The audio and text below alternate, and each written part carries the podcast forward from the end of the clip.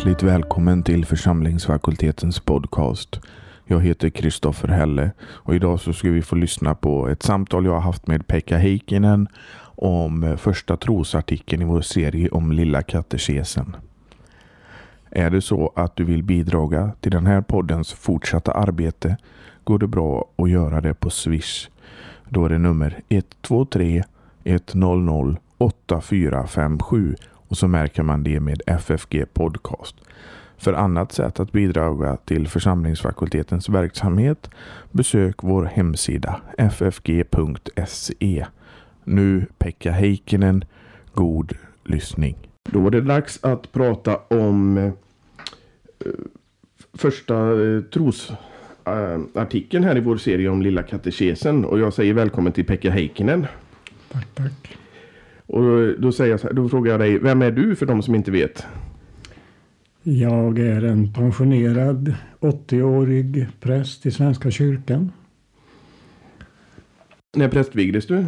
1965 utav biskop Gertz. Uh Och sen har du verkat i Svenska kyrkan i hela ditt yrkesliv? Ja, det har jag gjort och det, mest, det har varit mest i Bohuslän. Uh Och nu bor du i Seglora utanför Borås? Ja. Och du är fortfarande aktiv som präst ska vi säga? Det får man nog säga ja. Jag tjänstgör ganska ofta. På lite olika platser men mest i, Lutherstiftelsens lokaler här i Göteborg. Mm. Vi säger hjärtligt välkommen till dig och roligt att ha dig här. Och vi, vi ska börja och prata om eh, trons artiklar med dig. Och eh, då, frågar jag dig, då börjar jag fråga dig, vad handlar trons artiklar om? Ja, i min konfirmandlärobok har jag svarat de handlar om den treenige guden och hans välgärningar. Mm. Och det kan jag kanske passa på att berätta vad Melanchthon, Luthers nära samarbetare eller medarbetare, eh, han menade på att det där med treenigheten, det begriper vi inte. Det är inte mycket lönt att prata om det. Utan man ska prata om den treenige Gudens välgärningar. Och det har jag också koncentrerat mig på i den här lilla boken. Mm. Och, men om vi ändå säger, vad, vad, vad menas då med att Gud är treenig? Ja, man brukar ju säga att Gud är en, men att i denna enhet finns en evig trefald. Fadern, Sonen och den heliga Ande. Och, och du pratade tidigare om de här välgärningarna, den treenige Gudens välgärningar. Vilka, vilka är de? Ja, Faderns välgärning brukar man kalla för skapelsen och Sonens återlösningen och den heliga Andes helgelsen. Men det är väl inte så att de alla gudomspersonerna som vi kallar dem, de, det är inte bara Fadern i skapelsen utan det är också de andra är inte inaktiva. Nej, utan det är så att eh, de är precis med i, i varandras verk. Men när man läser Bibeln så rent, vad ska vi säga, eh, dogmatiskt så är det ju lätt lättare att förstå det hela om man, om man talar om deras respektive välgärningar. Mm. Om, vi då, eh, om vi då går in på första artikeln om Gud fader och skapelsen. Så är det, jag tror på Gud fader allsmäktig, himmelens och jordens skapare. Ja, och sen kommer då Martin Luthers förklaring. Jag kan ju läsa upp den här. Jag tror att Gud har skapat mig och alla varelser, givit mig kropp och själ, ögon, öron och alla lemmar, förnuft och alla sinnen och att han ännu håller det vid makt. Därtill försörjer mig rikligen och dagligen med kläder och föda, hus och hem och med allt det jag till livets uppehälle behöver, samt beskärmar och bevarar mig för skada, farlighet och allt ont. Och detta allt av sin blotta nåd och faderliga godhet, utan all min förskyllan eller värdighet. För vilket allt jag är pliktig att tacka och lova, lyda och tjäna honom, det är visserligen eller absolut sant. Och här, säger det, här pratar det om Gud också som, som att han skapar. Vad menas med att Gud skapar? Det gör han genom sitt ord så att han säger och så blir det. Och då vet, kan vi säga att ett exempel är att Gud sa det var det ljus och det var ljus. Ja. Men vad är det som, som Gud har skapat? Ja, i själva trosartikeln, första trosartikeln står ju att han har skapat himmelen och jorden. Och eh, det innehåller ju väldigt mycket. Luther tar inte upp de sakerna i sin förklaring.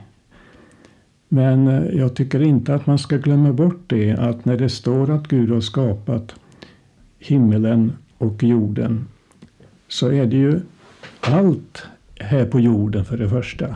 Ifrån de minsta lilla kryp och lilla atom eller hur man ska uttrycka det till de allra största och märkligaste varelser.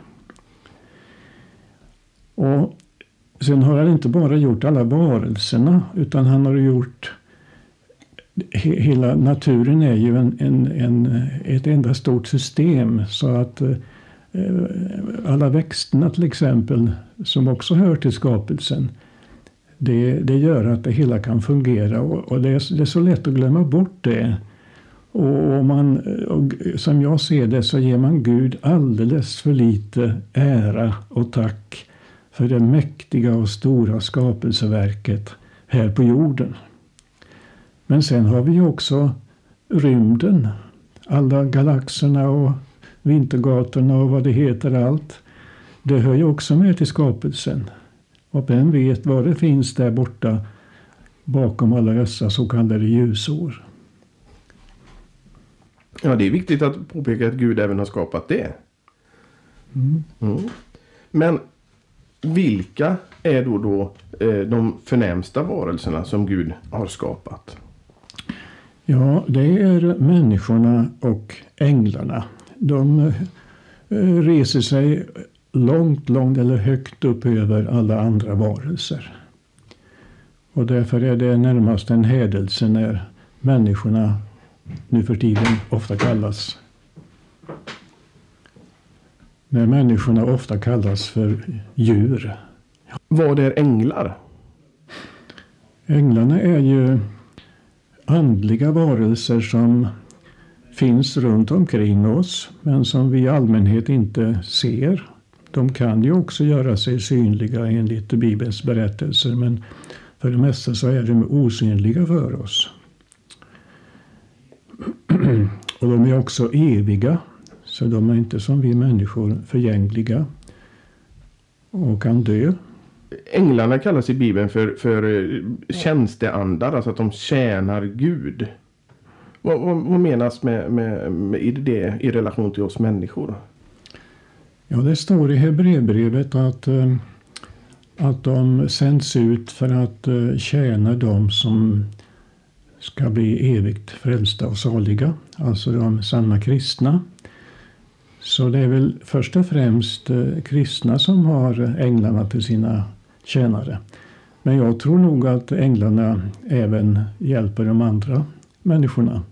Det talas ibland om änglavakt när det sker svåra olyckor och det kan ju vara helt ogudaktiga människor som talar i de termerna.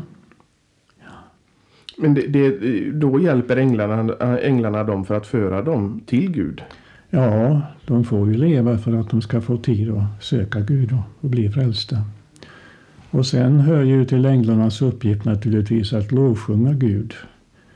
Så det, det är kanske deras främsta uppgift. Men eh, hur, hur var änglarna i begynnelsen? Ja, i begynnelsen var ju alla änglar goda. Men eh, sen finns det ju antydningar i skriften att en av de större änglafurstar var inte nöjd med sin status utan gjorde uppror emot Gud och ville bli så som Gud. Och den änglafursten brukar man kalla för djävulen och Satan. Det finns massa olika namn som talar om olika sidor av hans väsen. Men eh, hur skapade Gud människorna då? Ja, när han skapade Adam så står det att han tog ifrån stoftet och eh, formade hans kropp. Och sen blåste Gud in sin livsande i hans näsa. Det är ju lite svårt kanske att sätta sig närmare in i vad detta innebär i praktiken. Men sen talar ju skriften lite tydligare om Evas skapelse, att hon skapades av ett av Adams revben. Och det skulle vara det, hon var den enda som verkligen motsvarade hans förväntningar. Det var ingenting annat som hade dukt tidigare men när Eva var skapad då var Adam nöjd.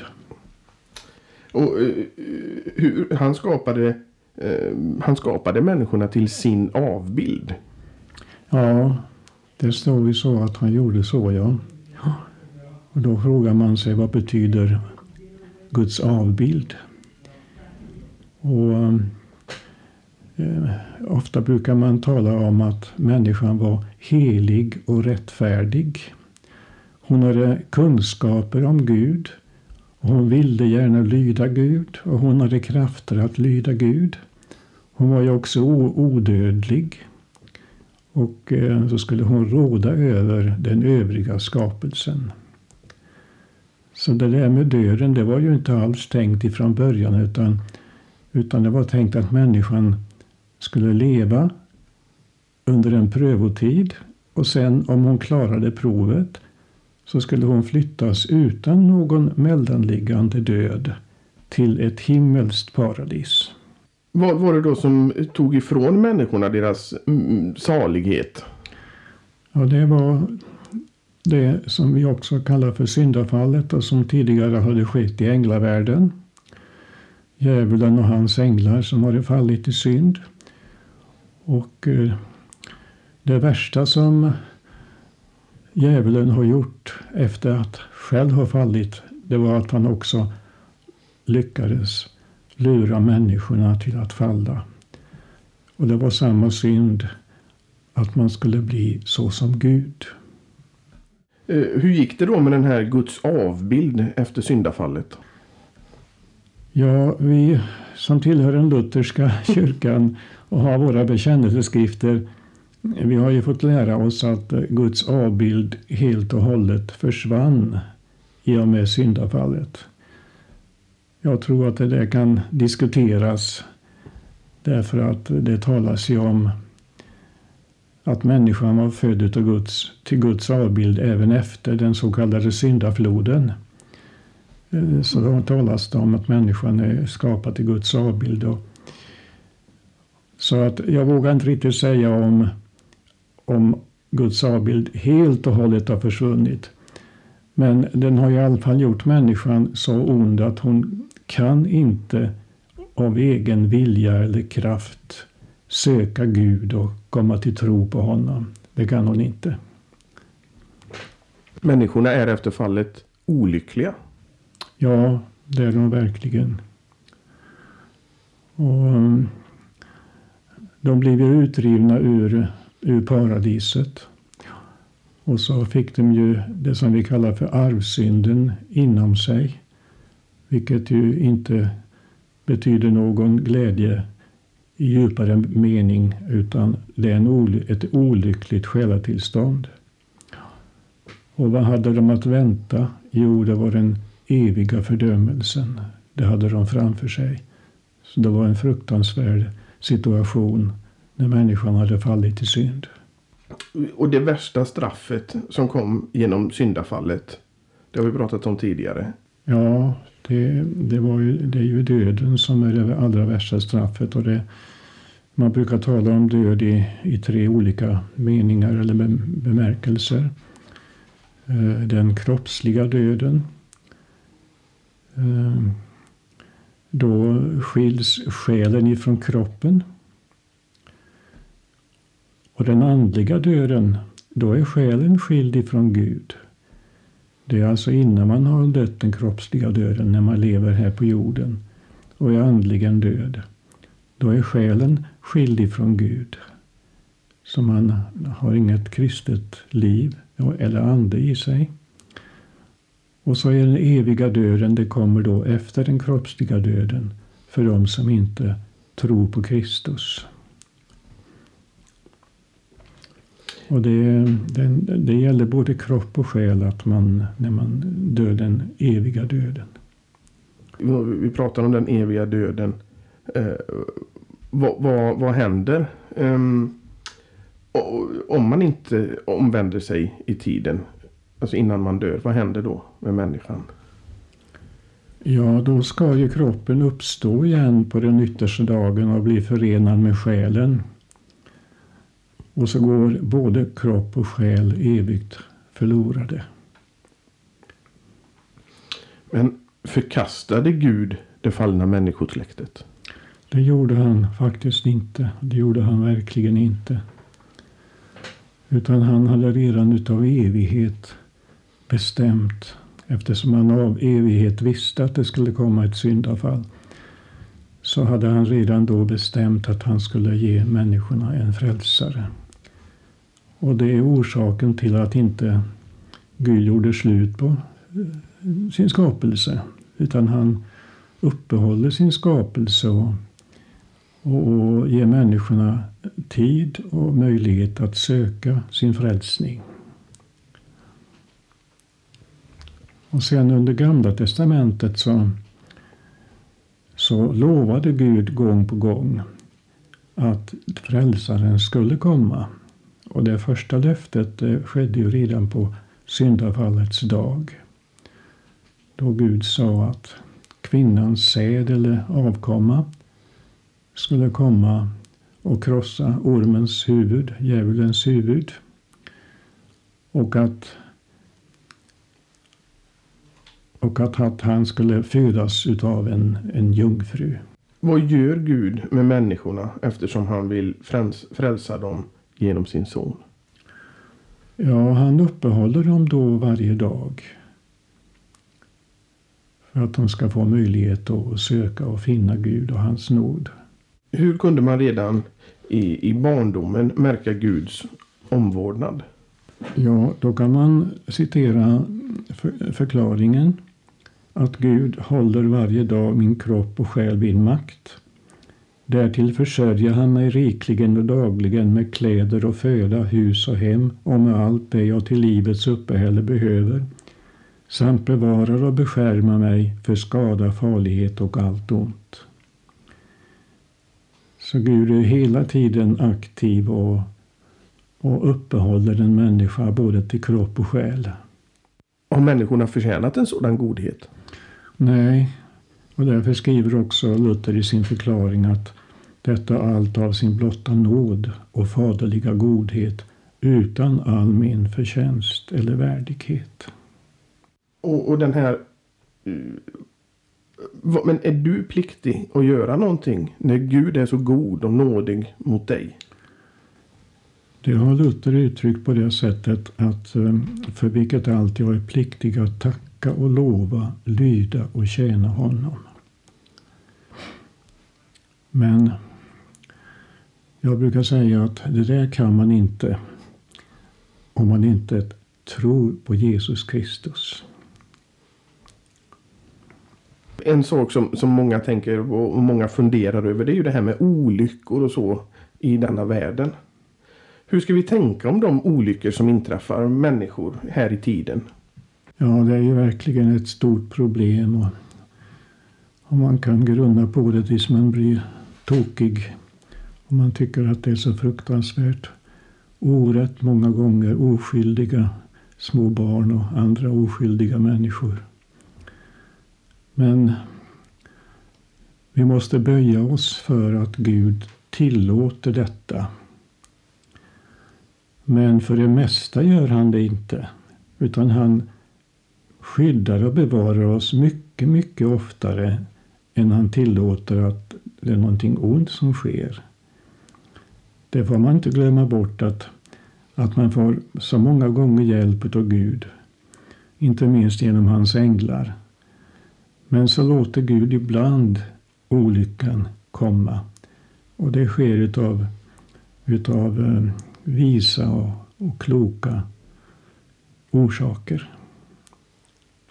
Sådana orsaker som vi inte kan förstå då? Ja, men man ska aldrig tänka att olyckorna kommer av en slump eller obevekligt öde. Det ska man inte göra, utan de är verkligen sända utav Gud. Och då sänder Gud detta av olika anledningar när det gäller olika människor. Så att de ogudaktiga människor drabbas av olyckor. Dels som ett straff för sin synd, men också som en varning och en väckelse. Men när gudfruktiga människor drabbas av olyckorna så sker det utav fostran och som en prövning. Det här med att det kommer straff i tiden, tuktan och straff i alltså som från Gud. Det är någonting som människor gärna bortser ifrån idag. De vill inte se Guds ingripande i världen på, på ett tuktande eller straffande sätt. Nej, de är så bortkomna ifrån, ifrån Guds ords sanning. Och sen finns det ju också i varje människa av naturen en fientlighet emot Gud. Så att eh, de vill inte förstå heller. Hur kan man säga att Gud vårdar sig om människorna när människorna får göra varandra så mycket ont? Ja, jag har nästan redan svarat på det att eh, för det mesta så förhindrar Gud att människorna gör varandra ont. Men så kan han också tillåta det utav, som jag nämnde, utav visa och förståndiga orsaker. Och så styr han alltid saker och ting så att det blir till det bästa för Guds barn. Eller som det heter i, i Romarbrevet 8. För dem som älskar Gud samverkar alltid det bästa. Så då får en människa alltså nytta av sina olyckor och lidanden? Ja, det får hon, men en förutsättning är då att, att hon i sina olyckor eh, söker Gud i hans heliga ord och den heliga nattvarden. Annars så kan de inte få någon salig nytta utav sina olyckor.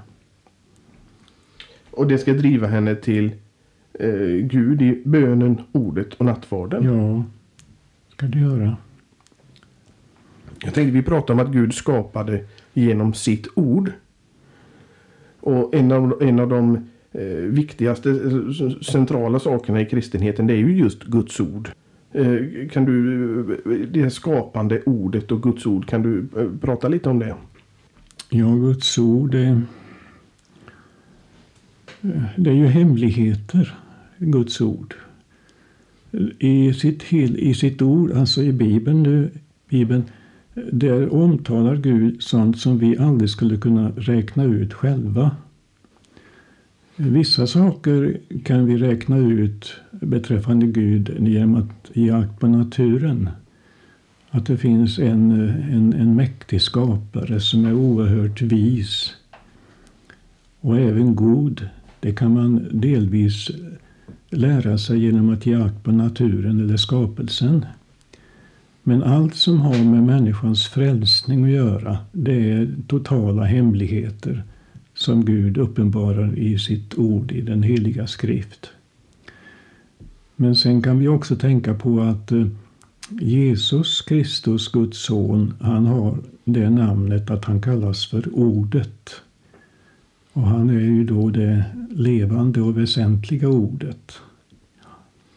Men man får inte tänka så att man väljer det ena eller det andra utan man måste välja båda två så att säga. Både det skrivna ordet och det levande väsentliga ordet Jesus Kristus. För, för vad skulle vi veta om Gud om vi inte hade hans ord?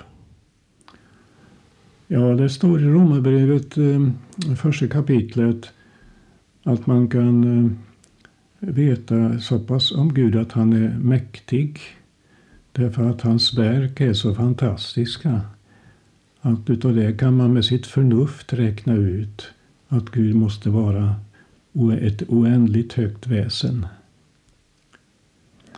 Och Det står till och med att de som inte inte erkänner det, de, de har ingen ursäkt. Då gör de sig dummare än vad de egentligen är. För vårt förnuft är så stort att vi kan lära detta om Gud. Eh, du har vid några tillfällen sagt att du tycker att just den här första trosartikeln har blivit lite förbisedd i förkunnelse och så. Att det fokuseras mest på, på tredje trosartikeln. Ja, eller också den andra. För på ett sätt så är det ju den andra trosartikeln som är det viktigaste i kyrkans förkunnelse. Vi, vi ska ju förkunna Kristus och vad han har gjort för vår frälsnings skull. Det måste ju vara det allra viktigaste. Och sedan eh, när det blir rätt förkunnat eh, så kommer den heliga Ande att använda eh, den kunskapen på ett sådant sätt att vi lär oss både att ångra vår synd och att tro och förtrösta på Jesus. Men eh, när jag säger det att, eh, att, att den första artikeln blir försummad så menar jag det att, att om inte Gud var skapare och hela tiden uppehöll oss sin skapelse då skulle det inte finnas någonting att frälsa. Utan eh, frälsningen förutsätter att det finns en skapelse. Och skapelsen är någonting så fantastiskt att Gud måste få mera ära och tack för det än vad jag uppfattar att han får även i den kristna kyrkans förkunnelse. Trots att Kristus och evangeliet om honom är det absolut viktigaste så tycker jag ändå att man måste mera också betona den första trosartikeln. Tror du att det är så att människorna gärna tar själva åt sig äran för skapelsen? Mm. Ja, den oomvända människan tar väl ära åt sig för, för nästan vad som helst. Eller så ger hon också äran åt andra människor. Nu för tiden är det ju ofta så att, att vetenskapsmännen får äran. Men eh, Gud blir ju bortglömd nästan till hundra procent. Jag tycker det här spelar in lite i första budet också. Om Gud. Ja, det är ju det viktigaste budet så att eh, om man inte tar det på allvar så kan man ju inte alls hålla de andra buden. Så det är riktigt. Eh, har du någonting mer du vill tillägga om den här trosartikeln? Innan vi avslutar. Nej, jag tror inte jag har något speciellt som jag tänker på nu i alla fall. Eh, då tackar vi Pekka Heikkinen och eh, Pekka återkommer faktiskt och talar om fler trosartiklar med oss. Tack så mycket Pekka. Ja, det var Pekka Heikkinen och han återkommer redan nästa vecka här i vår podd med andra trosartikeln. Är det så att du vill bidra till den här poddens fortsatta arbete går det bra att göra det på Swish. Och så är det nummer 123 100 8457 och så märker man det med FFG Podcast. Vi hörs igen nästa vecka.